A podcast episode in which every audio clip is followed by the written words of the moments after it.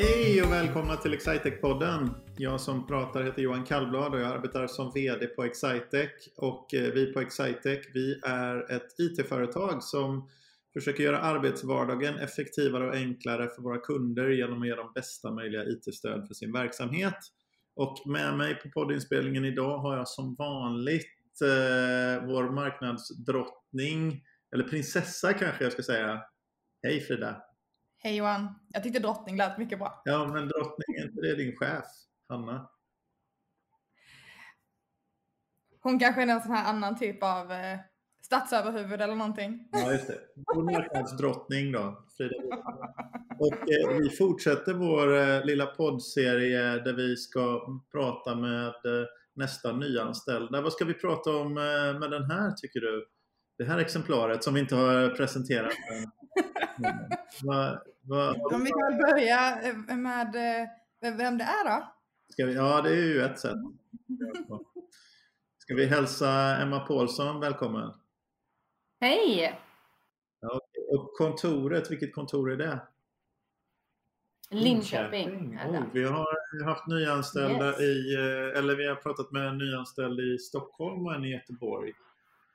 Men en eh, Ja. Linköpings... eh, Jag höll på att säga Linköpingsbo, men jag tror att jag vet att du inte är Linköpingsbo. Nej, det stämmer. Jag är Norrköpingsbo. Vi har ju också faktiskt, eh, så här är det också att vi, jag vet ju, jag behöver inte heller fråga ifall du har varit inne på kontoret någon gång, för det vet ju jag att du har varit, för vi sågs ju faktiskt där en gång. Ja. Det gjorde vi. Så, så nu har jag dödat halva, så jag men det var bra så. Tack. Hej. Just det. Men Emma, då, du, du jobbar alltså på Linköpingskontoret och du är en av deltagarna i konsultprogrammet 2021. Så det, det Yes. vet vi än så länge. Och ehm, vilket område är det du specialiserar inom?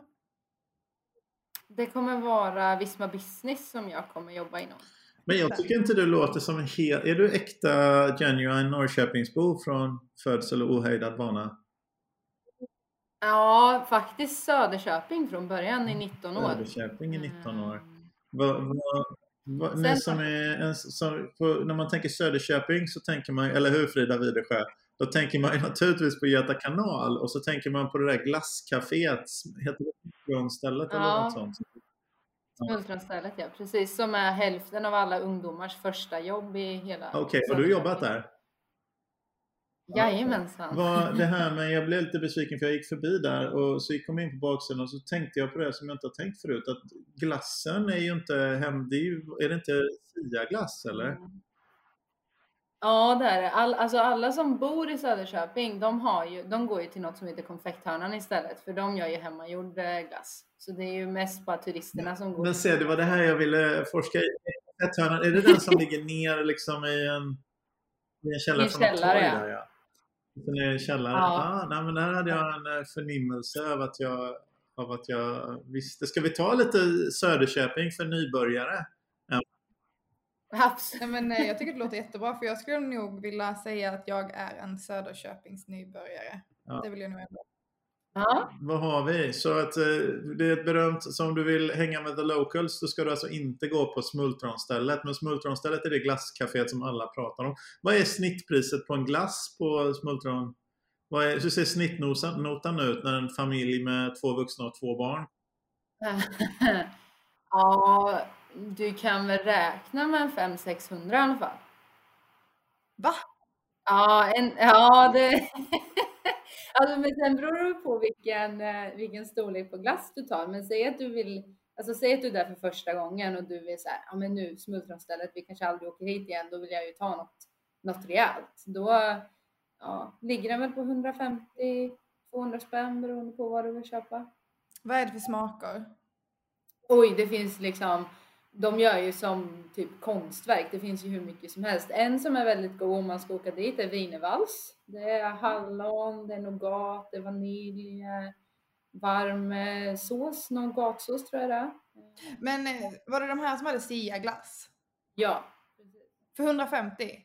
ja, men då är det ju liksom, tänk dig som att många går ju dit istället för att käka lunch. Alltså för det är ju... Här, här, här tycker jag ju då att de tar ju en liten genväg ändå med, som är onödig. Det känns som att så, jag vet inte, det kanske är väldigt svårt att göra glass men det är många glass, bra glassbarer som gör glass. Jag tycker om man har den här liksom en av de mer välkända glassbarerna i vår del av eh, landet så skulle man ju kunna kosta på sig att göra sin egen glass. Men det, det jag kan inte Mm. riktigt förstå mig på. Ja, men det där, ja, ja, jag är inte helt såld, men eh, Nej, det men kanske är... det, det är det som är Ja. grejen. Alltså, du går dit med barnen. eh, Nu har väl inte du några barn än Freda, men eh, när jag går dit med barnen så är det, då är man den vackraste delen av en tusenlapp blir man faktiskt av med. Ja. Ja. Jag, jag tycker det är kul med lite så här annorlunda glassmaker. Eh, så att, eh, Ah. ja. En, eh, en favorit är ju brynt smör. Det är Ah. riktigt gott i glass. Oh. Mm. Det är gelaterian i Göteborg. Där. Mm. Mm. Jag kallar mig skeptisk. Men vi har ju Söderköping och så har vi den riktiga glassbaren då vid det där torget som man gick ner för en, och den hette, vad var det den hette? Eh, konfekthörnan heter den. Konfekthörnan. Vad, vad har vi mer då? Vi har ju en stor konferensanläggning. Som är lite känd. Har vi? Ja, Söderköpingsbrunn tänkte jag på. Ja, just det. Ja, men exakt. Och spa är det ju också. Och, Mm, eh, ute. Där har vi faktiskt haft en afterski en gång, eh, Frida, på, på eh, Excitec mitt i sommaren med pjäxor och på ute. De har ju en utepool, ute, utespadel. Då hade vi eh, eh, afterski med pjäxor och afterskiband och, och tillhörande dryck. Kul! En social distansering. Det var pre, pre-pandemi, men det var före det. Det var många år sedan. Det var fem, fem år sedan säkert. Ah. Eh, Mm. det var där. Vad har vi mer? Vi har det där berget. Ramundeberget, ja precis. Och utkikstornet där. Ja. vi tittar ut över den lilla byn. Mm. Och så har vi ju Göta kanal. Och de har tydligen, om jag uppfattat det hela rätt, så har de alltså dragit om Göta kanal genom Söderköping en gång. Inte om det. Oj, det visste inte jag. Jag vet ju att de har gjort arbete för att, stötta upp väggarna för att den var på väg att rasa för inte så länge sedan. Ja, jag, jag kan ha missuppfattat lite grann, men jag satt faktiskt och pratade med, med ehm, eh, Göta kanalbolagets VD här på någon, i något sammanhang en tid sedan. Och då berättade han om problematiken kring Söderköping. Annars är den stora irritationen för oss som inte bor i Söderköping hela tiden, det är när vi ska försöka passera Söderköping på sommaren med den öppna kanalen. För att E22 då går ju, måste det vara va? E22 går Ja, ju rakt genom Söderköping och det är, det är en massa stopp där för att eh, de har inte riktigt löst eh, eh, det naturliga skulle ju vara att göra som man har gjort i Ljungsbro där det är en viadukt som går eh, heter det så? viadukt och akvedukt, jag vet inte vad som är vad men, eh, men eh, det är en sån här undergång under kanalen. Det hade ju varit ganska skönt för att slippa Ja, det har väl varit på tapeten hur länge som helst. Alltså ända sedan jag var tonåring så pratar de om att göra någon typ av sån. Men de verkar inte komma till skott. De kanske förlorar lite turism. Folk kanske stannar liksom och handlar lite och sådär. Mm, Så men- man Så här, att göra det lite mäckigt så man måste gå av och köpa Ja, när man ändå väntar. Mm. Ja, det är lite pyssligt, men det, det är i alla fall, jag vet inte, vi har inte så mycket mer. Den där kyrkan då med det där klocktornet i... i eh, den röda tänker du? ja, Sant Laurenti, ja. ja precis. har vi något på den? Vad är det, någon munkorden eller något sånt? Eller vad är det för någonting? Vad vet vi om den? Alltså det är det här som är så roligt. Man borde ju kunna mer om sin hemstad, men eh, nej, jag vet inte riktigt vad det är. Jag vet ju att um, den är väldigt gammal i alla fall. Ja. Jag vet att den är eh, ratad som nummer två bästa sevärdhet i Söderköping enligt Tripadvisor. Jag tror nästan att du har, har fuskat. Och nummer ett, är det Göta kanal eller är det, Det är inte det, utan det är Ramunderberget. det är Ramunderberg? Ja. Mm. Nummer tre är Göta kanal. Ja, okej. Mm. Ja, men då har vi ändå, då har vi ju ändå, eh, då har vi tagit lite Söderköping för, för nybörjare. Mm, precis. Sen har vi fontänen på Hagatorget som är ratad på plats nummer åtta. Ja, Just. Den, eh, den har jag nog missat. Då får jag ta och försöka plocka upp den gång, eh, Söderköping, vilket är mycket, mycket, mycket, mycket sällan. Eh, jag har... Ja, men det, det kan ju vara ett utflyktsmål då för semester i sommar. Ja, det är ju lite pyssligt att ta sig dit. Eller det är det ju inte egentligen. Jag tänker då med båt. För, det, för min del, anledningen att, att undvika Söderköping är att när man hamnar där med båt, det är regel för att någon kompis vill ha hjälp med att slussa. Och det är, slussa för, för en vuxen medelålders vit man så är det lite grann som när man var student och någon vill ha hjälp med att flytta. Att det, är liksom, det är att man gör det liksom, men det är inget kul är det. Just det, så man får hjälpa varandra där liksom. Ja, Du slussar för mig, jag slussar för dig. Ja. Ja, Mm. det det. Fast jag, jag slussar inte då utan jag har båten vinterförvarad. Utan man kan alltså, man har eh, man tar Göta kanal, alltså man är väldigt nära slutet på Göta kanal där. Det är ju lite utanför Mem är väl den sista slussen har jag för mig. Så Ja, precis. det är någon, vad är det, kan det en och en halv mil ifrån? Ja, något sånt. Ja. Ja, hur eller hur? Vi, vi pratar inte med, jag har ingen, ingen karta framför mig så jag kan inte fuska här. Men eh, annars hade jag, vi pratade ju med Nathalie Isaksson om geogesser för eh, några veckor sedan Frida. Och, eh, och det hade ju varit annars, jag känner ändå, du, du sa ju då efteråt att det var ju en, en eh, att jag nog hade gillat geogesser. Jag har inte börjat än men jag kom på det nu. Jag ska, jag ska göra ett försök och, och Ja, det, det ska bli intressant att se hur, hur du lyckas. Ja, Jag kanske är mycket, mycket sämre än vad jag, vad jag inbillar mig. Jag hoppas ju nästan det lite, för du tycker att du är väldigt duktig på det här med svensk geografi. Ja, det, är bara, det är min image. Ja, ehm, jag är lite imponerad. Det, det är väldigt få ställen du inte har en anekdot om i alla Nej, fall. Men du, ska vi ta och prova lite? Vi har ändå Emma med här och det var ändå henne du sa att vi prova att prata lite med henne. Ja. Emma, vem, vem, Ja. vem är du? Vem är jag? Jag är eh, snart 27. Kommer eh, som sagt från Söderköping, bor i Norrköping och eh, ja, tycker om att sporta, spela golf, spela fotboll, umgås med min hund, min man och min katt. Fotboll! Mm. Eh, spelar du fotboll organiserat? Ja, eh, jo men det gör jag. Eh, det är väl lite lägre nivå nu än vad det var förut. Eh, jag spelade på i division 1 och 2 för några år sedan. Men nu är det division 4 mest bara för, för skojs skull. Ja. Mm. Så då, men det är väl organiserat. Det är ju två träningar i veckan och en serie och matcher och så. Vad spelar du för position? Jag spelar inne mitt fält. Är det för att man inte behöver springa lika mycket som yttermittfält?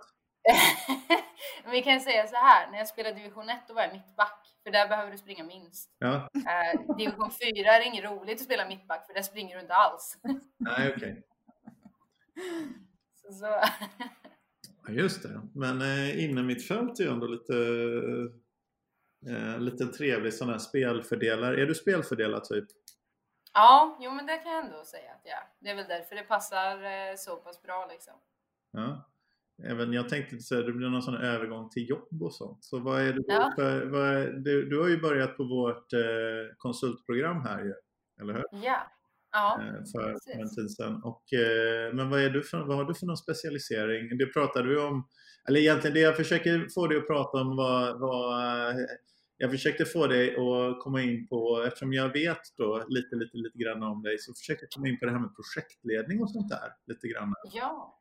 Ja. Som jag tän- har, tänker mig att du har någon form av bakgrund. För det går inte så bra för mig. Jag försökte få liksom.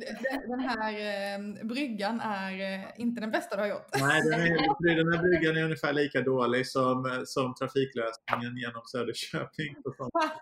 Ibland får man bara fråga rakt ut.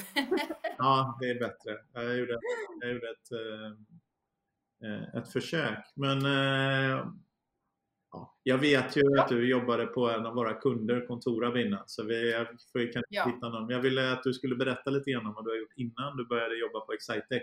Okej. Det kan jag absolut. Det kan jag absolut göra. Jag kommer ju som sagt från eh, Contorab som är kund hos Excitex sedan ganska många år tillbaka. Eh, Där jag eh, på Contorab de senaste nästan tre åren blev det satt som eh, affärsutvecklare och jobbade väldigt nära deras VD med utveckling i bolaget. Så det var mycket, eh, en del eh, projektledning som Johan, där du sa liksom. Det har blivit, senaste året har jag haft en jättestor projekt med, med en av Kontorabs kunder då, där det var mycket planering, implementering och sånt där. Så ehm, det har jag lite erfarenhet av och sen så har det såklart blivit mycket med Visma Business eftersom de har Visma Business som affärssystem. Mm. Så det, det var lite roligt kan jag tycka för jag har ju haft kontakt med ja, en handfull konsulter på Excitec liksom, innan, jag, innan jag började. Så det var lite kul. Och sen vart ju Helidorus min eh, mentor som jag pratade ganska mycket med när eh, Kontorab eh, gjorde en artikelimport. Så, du har ringt och, och skällt och skrikit på... jag vet att jag skickade ett irriterat mail till Helidorus någon gång, men sen vet jag inte om han uppfattade det så. Men det var någonting, det var inget jättestort så, men det var lite kul.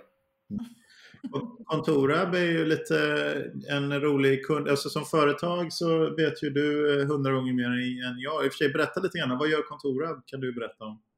Ja, eh, Kontorab säljer eh, kontorsmaterial eller egentligen allting som ett företag kan behövas i, ehm, till sitt kontor eller i sin verksamhet. De säljer även tjänster. Så ett praktexempel är väl eh, skrivare, toner, papper pennor, möbler, ehm, städmaterial. Alltså, ja, tänk dig allting du behöver till ditt kontor eller din, eh, ditt företag så har de det.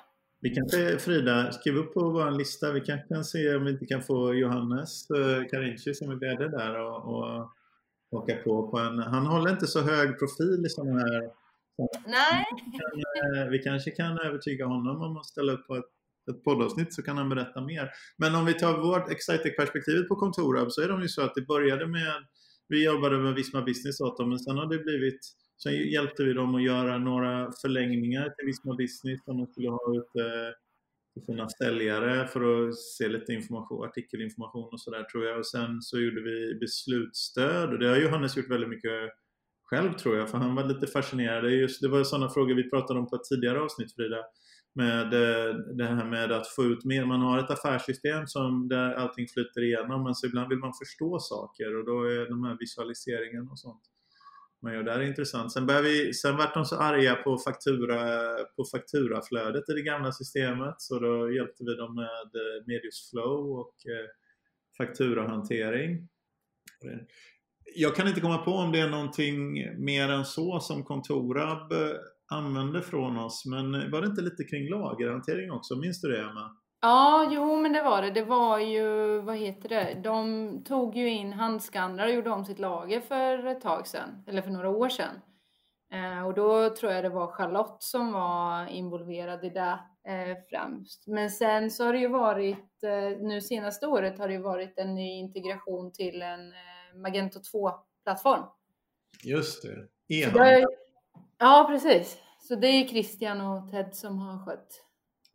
Jag har faktiskt en, eh, en, eh, en kontorab-historia, eller ett par stycken faktiskt. Ja. Om jag kan spara dem till om vi får eh, Johannes att ställa dem därifrån och ställa upp. För att, uh, han, men jag kan, jag, jag kan ta teasern, den är så här att, uh, att uh, det finns olika sätt att hantera pandemier på. Och ett sätt att hantera pandemier på det är att ta chansen och försöka förhandla om sina leverantörsavtal och, och, det gjorde, gjorde Johannes, fast på ett bra sätt faktiskt. Vi hade ganska roligt, roligt snack där. Men eh, ja. det, han får vi får se om det blir något avsnitt med honom någon gång. Kan jag göra ett försök. Men nu är du på, på Excitec så då faller ju också frågan hur hörde du talas om Excitec? För det... Ja, nej men det var ju för att jag har eh, jobbat tillsammans med er som jag, eh, speciellt nu senaste året när jag jobbade mycket med både Christian och Ted Eh, i eh, den här Magento 2-integrationen, för där satt jag också med liksom och fick eh, ja, men, jobba mer med systemet och se vad, eh, vad man kan göra med det. Och då kände jag att det här verkar ju svinroligt, det de gör. Liksom. Att kunna skapa ett sådant värde för den kunden som då kontoret var med en Magento 2-shop. Så där, då så gick jag in på er hemsida faktiskt och kollade. Ehm, Och då fanns det affärssystemskonsulttjänst ute.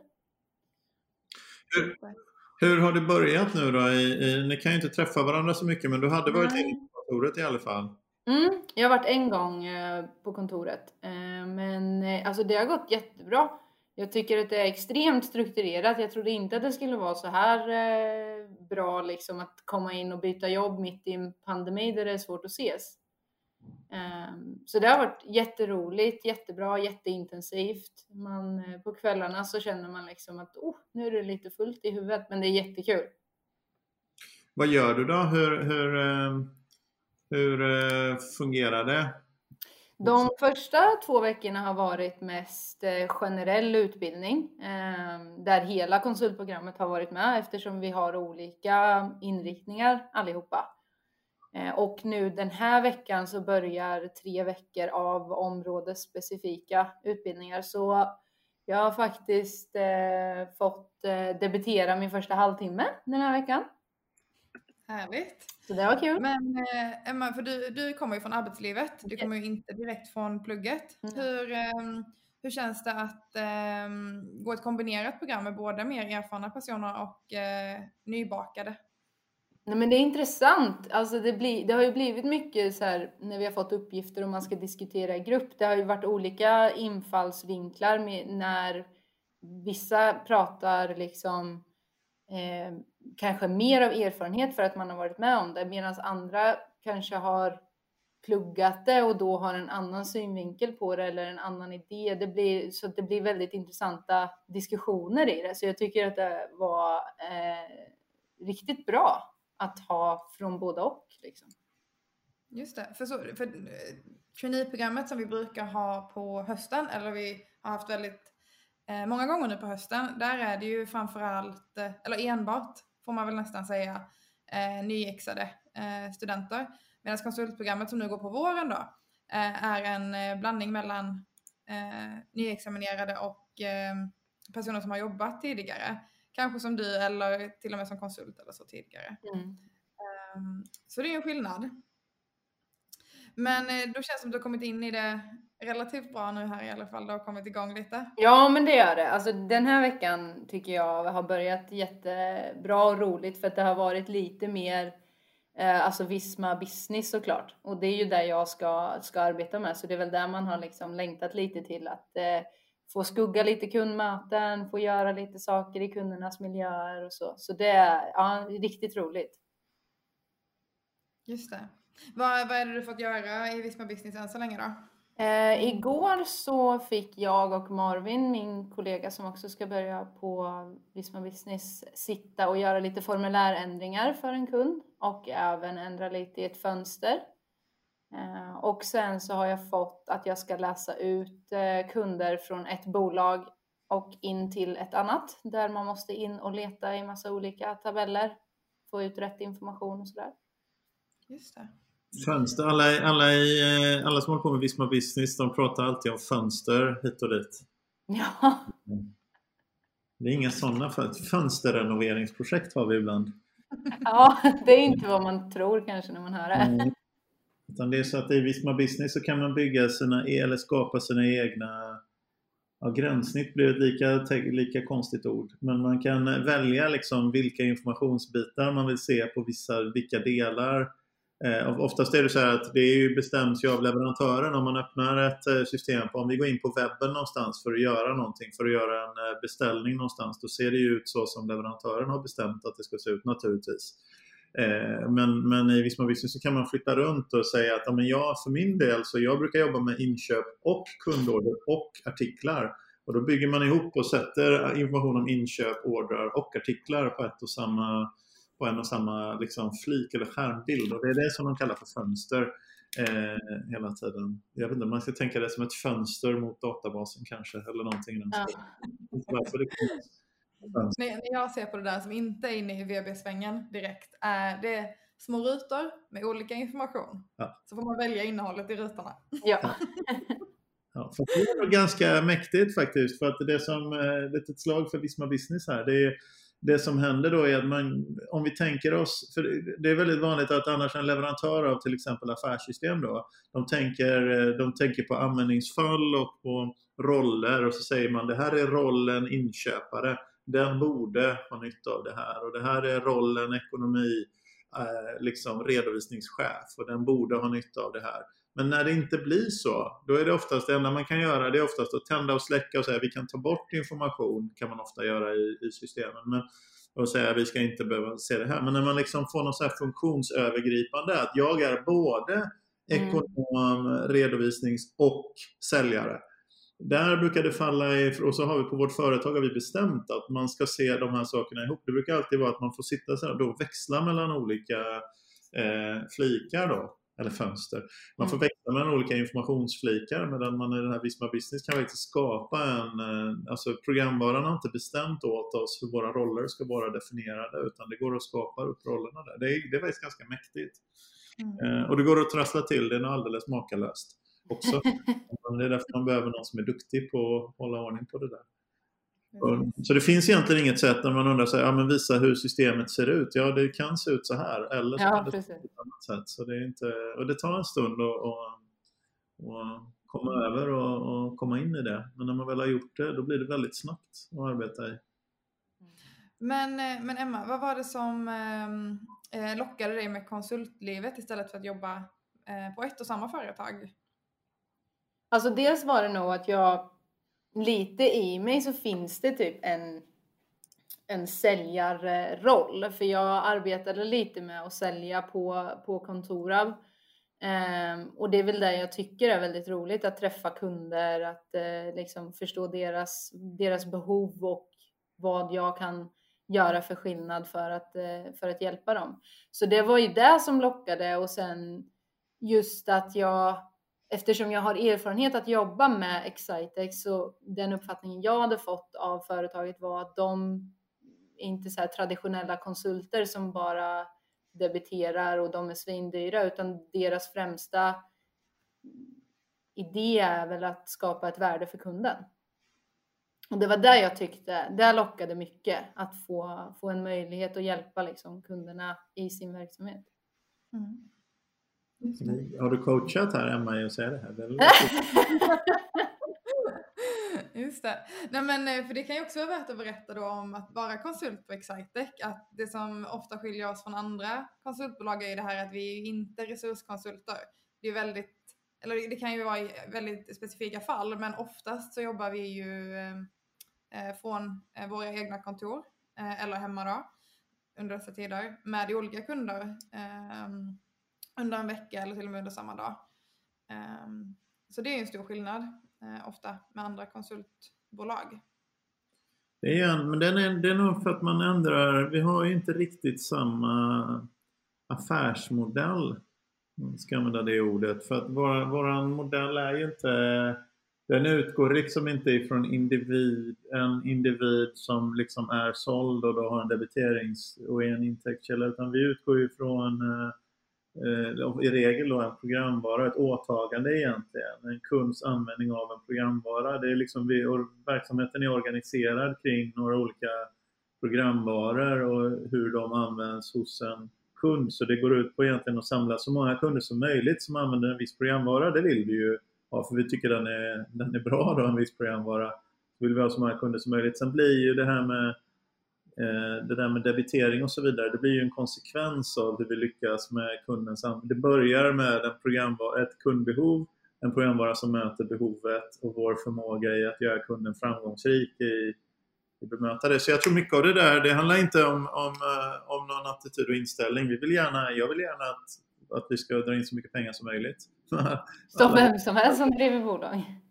Ja, men precis. Men det, så det vill man gärna, men det börjar inte med att det är, affär, är liksom affärsobjektet utan objektet mm. som det börjar med det är ett kundbehov och en programvara som, som möter kundbehovet. Sen blir allt det mm. andra kommer med som en konsekvens av, mm. av det där, då, tänker jag. Så vi får det där, det där, jag tror inte det är ett himla uppenbart tankesätt för, för många. Eh, det känns som att många har det här, liksom, men vad, vad, är, vad är målet, vad är det vi ska göra? Och då kan ju debitering ligga väldigt nära till hands att ha mm. det som, som ett mål. Mm. Eh, men att istället ha mål att leverera så mycket värde som möjligt. Mm. till en kund och så blir debiteringen en effekt av det. Um, det är ett mer motiverande sätt att, att jobba på. Mm. Ja, men det, det, det, hänger ju ihop eh, ändå såklart. Fast det, det är ju inte bara det, för debiteringen är ju också våran, liksom, våran förmåga att gissa hur många personer vi kommer behöva i framtiden och se till att vi hittar rätt personer och att de personerna vill jobba hos oss och jobba vidare länge hos oss. Och att, så det är klart, det är någon form av resurs. Det är ju ett relevant mått även hos oss, men det är inte ett drivande mått det driver inte verksamheten utan det, men det mäter ju någon form av resursutnyttjande. Så det är klart att det är, det är ett relevant mått men det är inte mm. det som, som, mm. Eh, som, driver verksamheten. Så, så ja, men det, det, blir lite annorlunda. Jag har ju jobbat på sån, andra konsultbolag eh, också och det är väldigt annorlunda hur vi, hur vi tänker. Det, jag brukar ju säga det väldigt ödmjukt att de, de, de flesta skulle säga att så som vi gör, det går inte och där har de fel. För det är vi som har rätt och de som har fel. Men, men, det, men det, är, det, det, är lite bra ändå. Ja. Mm. Eh, men så är det. Men okej, okay, eh, Emma, fotboll, ja. Eh, eh IT-stöd och eh, annat. Vi har kommit till en del på den här podden. Vi har ett avsnitt på den här podden eh, som eh, heter Någon berättar om något. Och då får den som är intervjuad, i den mån du är intervjuad här, det går, går Då får den personen som är med prata om något som eh, den vill rekommendera eller tipsa om eller något som man tycker är roligt, som man är intresserad av eller roligt att, att prata om till exempel. Och nu har vi kommit till den delen på podden då du är någon och det är din tur att berätta om, om, uh, om något. Oj! Alltså vad som helst, högt och lågt, något som intresserar ja, mig. Söderköping har vi redan hanterat. ja, jag vet inte om det är så mycket intresse i det, men vi kom in där ändå. Men jag skulle nog... Eh,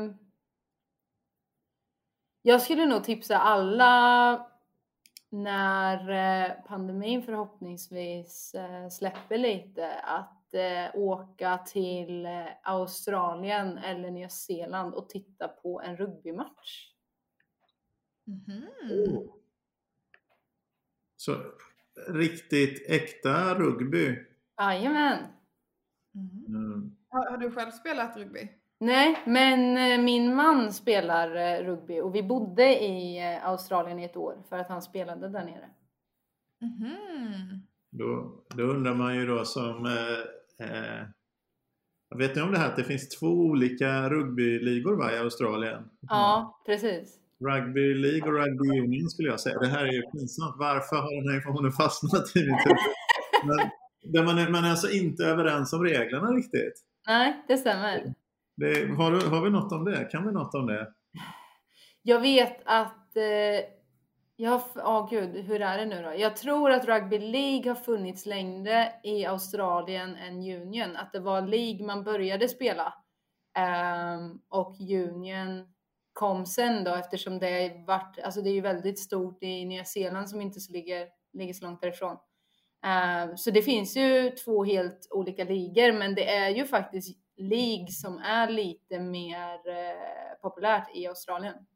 Ja, så är Union ett sätt kanske att hitta en regelgemenskap som man kan spela? För det, är så svårt att spela, det blir så svårt att spela landskamper om man inte är överens om reglerna. Ja, de har ju två olika eh, landslag i det. Har de. Det, det, här är, det är två olika sporter. Jag förstår, de är olika sporter men som ändå är väldigt lika varandra. Ja, de är extremt lika. Det är väl lite med tacklingarna och liksom eh, du får ju fortfarande inte kasta bollen framåt och det är lite så, men det har ju mycket att göra med hur du, hur du tacklas. Det är där teknikerna liksom skiljer sig ifrån mycket. Så det krävs. Eh, har du varit på både League och Union-matcher? Nej, jag har faktiskt bara varit på Union eftersom det var där eh, min man spelade. Men jag har tittat på League på TV. Eh, det är inte lika tufft är det ju inte. Så det är, ja. Va, va, men vad är det bästa med rugby? För annars tror jag egentligen det som har visat på svensk TV ibland är mm. eh, Aussie Rules fotboll liksom. Ja. Som är en annan som är en annan variant. Det känns som en blandning av, eh, av eh, rugby och eh, sådär wrestling eller någonting. Ja, alltså Aussie Rules, det förstår jag inte ens hur man kan spela. Det är ju livsfarligt. Men eh, ja. Så det, ja, förlåt, jag glömde bort vad frågan var när vi kom in jag på Jag vet inte om det var en fråga, jag bara fascinerad det, det intressanta är att inte kunna komma överens om reglerna så att man måste ha två stycken proffsligor i en sport Ja. som på avstånd ser precis likadan Ja, men det gör de ju definitivt. Det är inte alls eh, stor skillnad. Men, eh, och sen är det ju väldigt svårt att lära sig reglerna i rugby. Det tog ju mig en sex år tror jag. Och det är ju fortfarande nya regler som man, alltså union då, som man, eh, det händer någon gång var eh, hundrade match liksom. Så, Mhm. Som man aldrig har sett förut. Men eh, är det Australien och Nya Zeeland där rugby är riktigt stort? Eller är det några fler länder? Det är ju jättestort i Europa också. England, Mm. Skottland, Frankrike, Italien. Eh, Det är alltså verkligen jättestort. Vi missar ju ibland det här när det är, när det är världsmästerskapen i rugby. De säger det som vid sidan av världsmästerskapen i fotboll. Alltså i många länder, i Frankrike, Ja, oh ja. så är ju det, det är ju den andra, liksom de går omlott med varandra för världsmästerskapen där är, är nästan lika stort som världsmästerskapen i fotboll och vilket som ju är väldigt stora. Mm. Så Men nu att- börjar ju Six Nations heter det i februari om man vill eh, sätta in sig lite i rugby. Det är ett bra tips. Ja. Rugby. Februari, då eh, det är full gång. Ja, Ja, men det, är, det är spännande. Rugby, jag har faktiskt tänkt, jag gillar ju då som någon, kan, någon lyssnare av Excited-podden då kanske, kanske eh, har uppmärksammat att jag gillar eh, eh, amerikansk fotboll och eh, vi spelar in det här innan Super Bowl har varit. Frida, vilka är det som spelar i Super Bowl? Men alltså vad... Amerikansk fotboll? Jo, jo. Menar du vilka lag? Ja. Men det vet jag inte. Nej, okej. Det vet jag inte jag vet. Jag vet, nej, jag tänkte att du kanske visste. Det är ju väldigt stort. Men, det är ju, kanske, men den kommer ju ha spelats antagligen när det här eh, poddavsnittet publiceras. Det är ju Kansas City, eh, Kansas City Chiefs mot eh, Tom Brady då, som eh, i Tampa Bay, som har bytt lag i år från New England Patriots till Tampa Bay Buccaneers och gör sin tionde Super Bowl. Eh, ganska fascinerande. 42 eller 43 år gammal är han. Eh, quarterback då. Eh, och eh, han har gjort dubbelt så många Super Bowls som den som har gjort näst flest eh, i någonsin. Så det, Ja, det är mäktigt. ja men verkligen. den, har nog, den har nog spelats, eh, spelats nu när vi, det här sänds ut. Men rugby passar ju jättebra för mig att få en övergång in från, eh, eh, ifrån NFL då till, till eh, Jag har, inte, jag har inte sett NFL så mycket men jag tror att eh, ja, men den sporten passar många att ja. titta på. Det, det händer mycket. Och sen är det ju liksom, som jag kan tänka mig NFL, är, det är mycket liksom hårda tacklingar och det händer lite och det, och det är det ju i rugby med, men de har inga skydd så det, man kan verkligen eh, se smärtan när de får en ledig tackling. Så att, eh, men eh, avslutande fråga här nu. Vad, vilken, vilken sport är roligast att kolla på? Jag skulle säga rugby. Och Johan, du skulle säga? Jag har inte tittat på så mycket rugby, men jag gillar amerikansk fotboll väldigt mycket. Det är ju mycket... Det beror på vad... Rugby har ju mer ett spelflöde fram och tillbaka, ungefär som van, vanlig fotboll, rundboll. Eh, så, så är det ju ett spelflöde där det inte är så mycket avblåsningar och så, så är ju eh, inte amerikansk fotboll. Utan en amerikansk fotboll är ju liksom eh, sekvens på sekvens på sekvens på sekvens liksom med, med för eh, bestämda spel, spelsystem och sen eh, ett långt spel, alltså åtta sekunder är ett väldigt långt spel i amerikansk fotboll. Mm. Sportspel är två, tre sekunder. Så det är väldigt mycket, man staplar väldigt mycket korta spel på varandra. Men det är kul, för när man kollar på, på eh, europeisk fotboll så är ju också fasta situationer är ju roligt också. Mm, Liksom, frisparksvarianter och sånt. Så man kan säga att amerikansk fotboll är ju frisparksvariant på frisparksvariant från olika positioner och sådär. Det är roligt. Så, men jag, jag tror rugby, jag tror jag skulle kunna lära mig att tycka om det. Ja. Ett försök här i, i februari. Bra tips! Tack Emma! Det vi aldrig pratat om. Men eh, om man då som Emma blev intresserad av att kolla mer om att jobba på Excitec, då går man in på www.excitec.se karriär tror jag. stämmer bra. Ja. Och eh, Johan, du tar det nästa också. Och, som, eh, som eh, Johannes på Kontorab blir intresserad av att effektivisera mer av sina IT-system med hjälp genom att få bästa möjliga IT-stöd för sin verksamhet, vad gör man då Frida? Då går man in på www.excitec.se och klickar på kontakta mig så hittar man rätt väg där. Det låter jättebra. Tack så mycket för att du ville vara med Emma. Tack snälla för att jag fick vara med.